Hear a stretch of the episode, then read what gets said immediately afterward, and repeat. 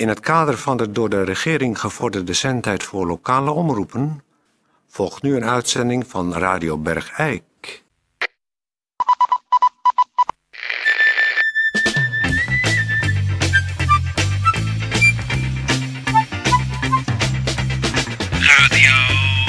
Radio Bergijk. Radio Bergijk. Het radiostation voor Bergijk. Radio Uw gastheer, Toon Sporenberg. Toon Sporenberg. Ja, goeiedag dames en heren. Hartelijk welkom eh, bij Radio Bergijk. Eh, zoals u begrepen hebt, eh, zijn we gisteren naar aanleiding van de reportage over de Tantra-gemeenschap eh, daar al eens eventjes langs geweest. Dat betekent dat eh, Peer eh, er niet is. Oh, wacht even, ik krijg een signaal. Tijdje, er is telefoon. Ja, schakel maar door. Hé, hey, die Toon Sporenberg. Hey Peer, hey, waar zit je jongen? Thuis? Thuis? Ja, ik heb een snipperdag. Heb jij snipperdag? Waarom heb je dat dan van tevoren niet gezegd? Dat staat toch op de rooster in de gang? Ja, maar ben je verkouden of zoiets? Nee, ik heb een knijper op mijn neus. Knijper op je neus? Ja, de riool is weer eens overgestroomd aan mij. Oh, dus dat moet je eh, gaan schoonmaken. Ja, hoe, hoe, gaat het daar? Ja, het gaat heel goed. Oh, nou, ik, ik ga luisteren hoor. Ja, is goed. Eh, nou ja, u, u hoort het. Peer heeft eh, sanitaire problemen. Dat is niet de eerste keer. Eh, en ik ga gewoon met de eh, uitzending beginnen. Eh, we hebben een gemeentebericht. Eh, de gemeente heeft eh, unaniem besloten om met onmiddellijke ingang eh, de subsidie aan de regionale stichting Slachtofferhulp eh, terug te vorderen. En dat eh, gaat over de komende afgelopen vier jaar wordt het bedrag van deze stichting eh, teruggevorderd. De gemeente heeft namelijk besloten het eh, gehele bedrag te besteden aan een uitstapje van de gemeenteraadsleden naar een leuke Beierse bierhal. En de gemeente vond ook dat het. Eh, dat al dat gemekker van die slachtoffers nou maar eens afgelopen moest zijn. Al dat uh, oude hoer in eh, lokaaltjes van oh, oh, oh, waar heb ik het erg, waar heb ik het erg. De gemeente eh, heeft er helemaal de maag van vol. Dus eh, vordert eh, alles terug. Eh, ontzegt ook eh, de, de toegewezen ruimte die de stichting eh, gebruikte. Eh, met onmiddellijke ingang op. Dus eh, dan weet u dat al het geld daaraan besteed gaat naar een leuk uitstapje van de gemeenteraadsleden naar een Beierse bierhal.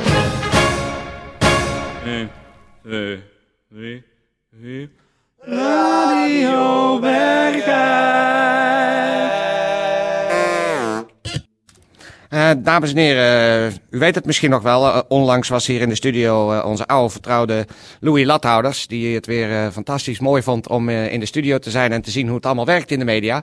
En hij kwam met, als woordvoerder van een stichting die uitgaat van de Rotary. Namelijk Doe een Wens. Waarbij eh, zeg maar terminale kinderen een wens eh, konden inleveren bij de Rotary. Die dan vervolgens een eh, plakboek in elkaar flansen uit plaatjes van de Viva en andere tijdschriften. Maar bij mij is aan tafel nu van de Rotary zelf, mevrouw Bogaerts van Zanten. Hartelijk welkom. Ja, daar.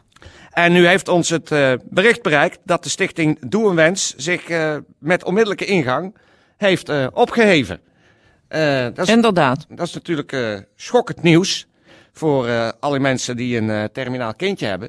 Kunt u misschien eens even nader uitleggen aan ons waarom toch in hemelsnaam de stichting de handdoek in de ring gooit? Nou, ik zal u zeggen, eh, ik heb eh, de afgelopen jaren met bijzonder veel plezier aan dit project gewerkt. Ja, Eh, ik heb daar uren aan besteed, avonden lang met vriendinnen. u maakte zelf ook de plakboeken? Wij maakten zelf de plakboeken, wij, haalden de oude, wij haalden de oude kalenders op bij mensen aan de deur.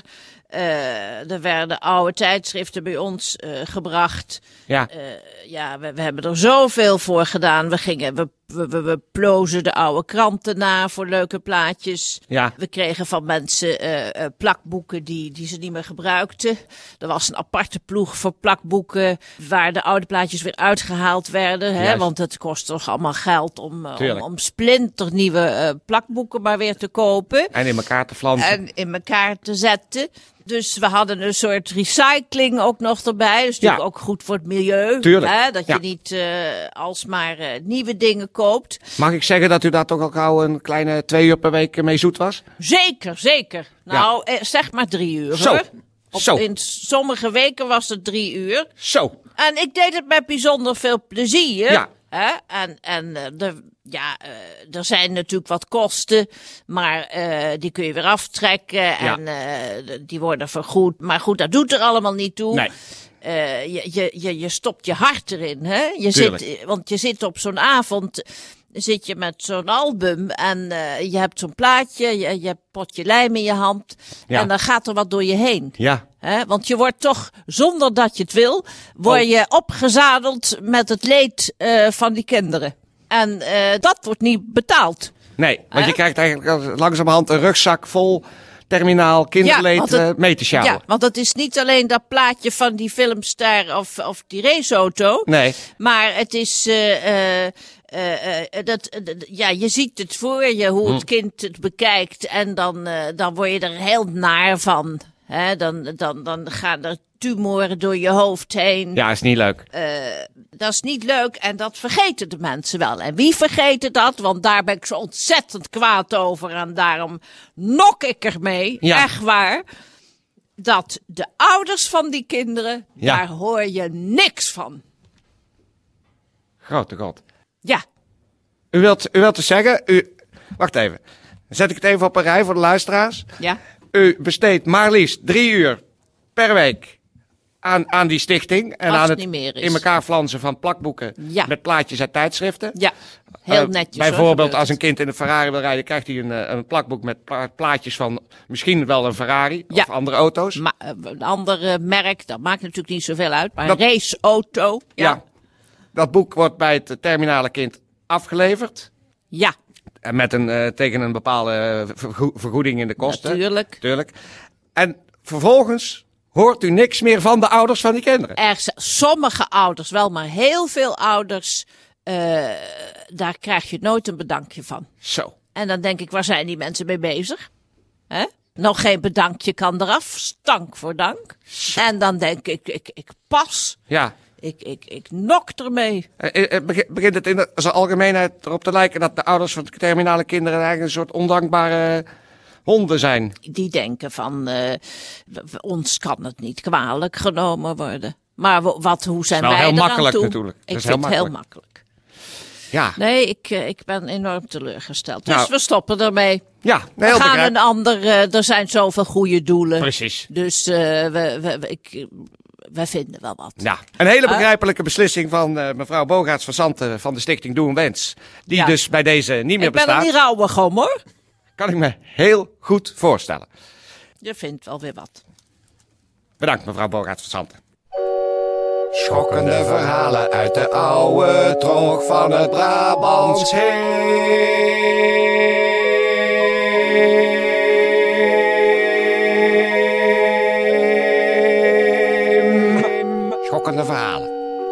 Brabants Heem.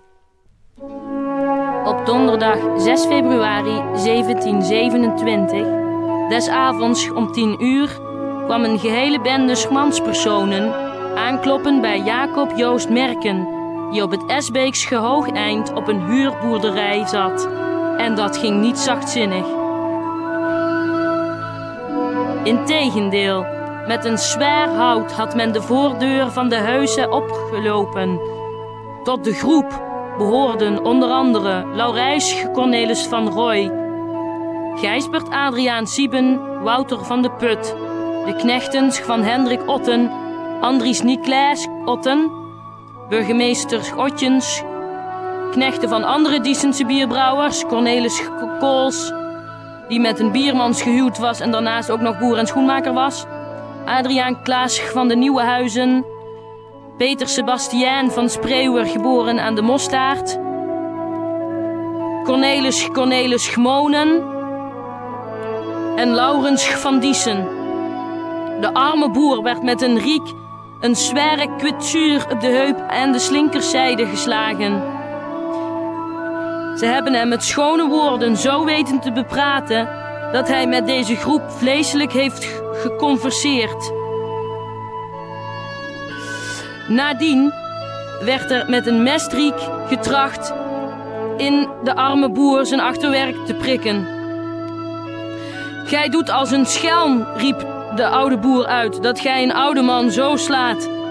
Maar met twee slagen op zijn hand werd hem sne- snel het zwijgen opgelegd. Enkele personen probeerden te onderhandelen op ons consistentie en zaligheid. Laat ons deze arme man daar uithalen. Zet uw rieken neer. Zet uw emmers neer. Wat bruidt mij den Driesens geboer? En ze gingen de stal in om de deuren dicht te doen. Maar Jan Naaikens, die op den heerd stond, kreeg pardoes een steen op zijn borst gesmeten. Gij doet als schelmen, als dieven en vagebonden. Jacob Joost Merken werd door Jan Jans Gmonen, een broer van Gerrit Jans Gmonen, met de haren tegen de grond gesmeten, terwijl een ander hem met een fors stuk hout toetakelde. Schaamt men zich mij niet dat gij een oud man zo trakteren als... Dat had mij hem beter kunnen laten. Monen trok de arme Jan de stal uit. En enkele anderen begonnen met zware stokken op hem in te slaan. De huisvrouw en de dochter kwamen hem nog wel te hulp. Schaamt gij u niet, een oude boer zo te slaan? Maar men riep, hier hebben wij de schelm, hier hebben wij de schelm. Jan Nijkens kon zijn wonden likken. Twee gaten aan de linkerzijde van zijn hoofd, op beide de armen en voorts over het gehele lichaam. Hij was zo geradbraakt dat de armen en benen tien dagen gesmeerd moesten worden. De linkerknie peerts en blauw geslagen. Schelm, staat op, riep de groep en gaat henen. Tja, dat, eh, dat was makkelijker weer zo'n schokkend gedaan. verhaal. Jan antwoordde. Uit de geschiedenis en historie van het Brabantsheim. De dreigementen Ehm, heftiger. Als gij niet opstaat, heb jij nog iets, Tetje? Want ik zit hier nu zonder papier. Ik heb geen idee meer wat er... Oh, de telefoon. Ja, hallo? Hé, hey, Toon Zwarmberg. Hé, hey, eh, Peer. Wat een slechte uitzending. De, zat kop nog staat aan. Waar heb jij nou over, man? Nou, ik heb gewoon even op de bank eh, in feutushouding liggen luisteren, maar wat een slechte uitzending. Nu, ik kon wel horen dat ik er niet was. Amateurisme, dilettantisme. Zit touwen vast te knopen. Wil jij eens eventjes ophouden met zo'n toon tegen mij aan te slaan? Verschrikkelijk slechte uitzending. Nou, dan ga ik binnenkort eens een keer ook op de bank liggen in feutushouding terwijl jij presenteert. Dan ben ik toch eens benieuwd. Nou, oké, dat is afgesproken, jongen. Aangenomen. Ga jij nou maar die stront in je Oh, huis daar is opruimen? de riooldienst. Ik moet ophangen. Ja. Nou, wat is het toch een heerlijke collega. Die Peer van Eersel. Eh, dames en heren, excuus daarvoor. Ehm godverdomme, ben ik helemaal van slag. Eh, eh, alle zieke beterschap, alle gezonde kop op. Ga godverdomme nu naar langs bij die Peer. Tijdje, kun jij, kun jij Peer even bellen?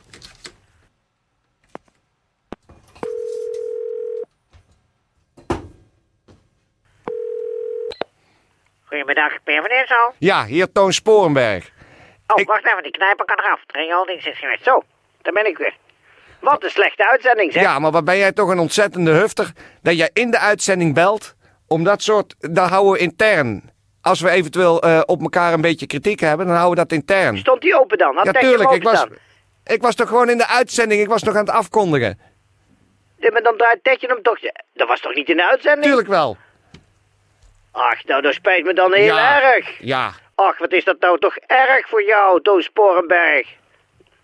Jij wist godverdomme donders goed dat ik in de Ja, uitzending zat. natuurlijk wist ik dat. Nou, waarom doe je dat dan? Je moest maar eens een keer een openbaar op je sodemieter hebben, want je maakt je er met je Jantje van Leiden af de laatste weken. Ach, schijn nou toch uit, man. Ja, dat is echt waar. Jij komt met smoesjes dat er, dat er iets met je riool is omdat je gisteren te veel hebt gezopen of weet ik veel wat. En dan zeg jij nog het riool stinkt. En dan, zijn, zijn die dienst één seconde Nou, geweest. weet je wat? Ik zeg, ik kan nu maar één ding tegen jou zeggen, Toontje Sporenberg. Ik ga je niet meer op in, hoor. Kleuter. thank you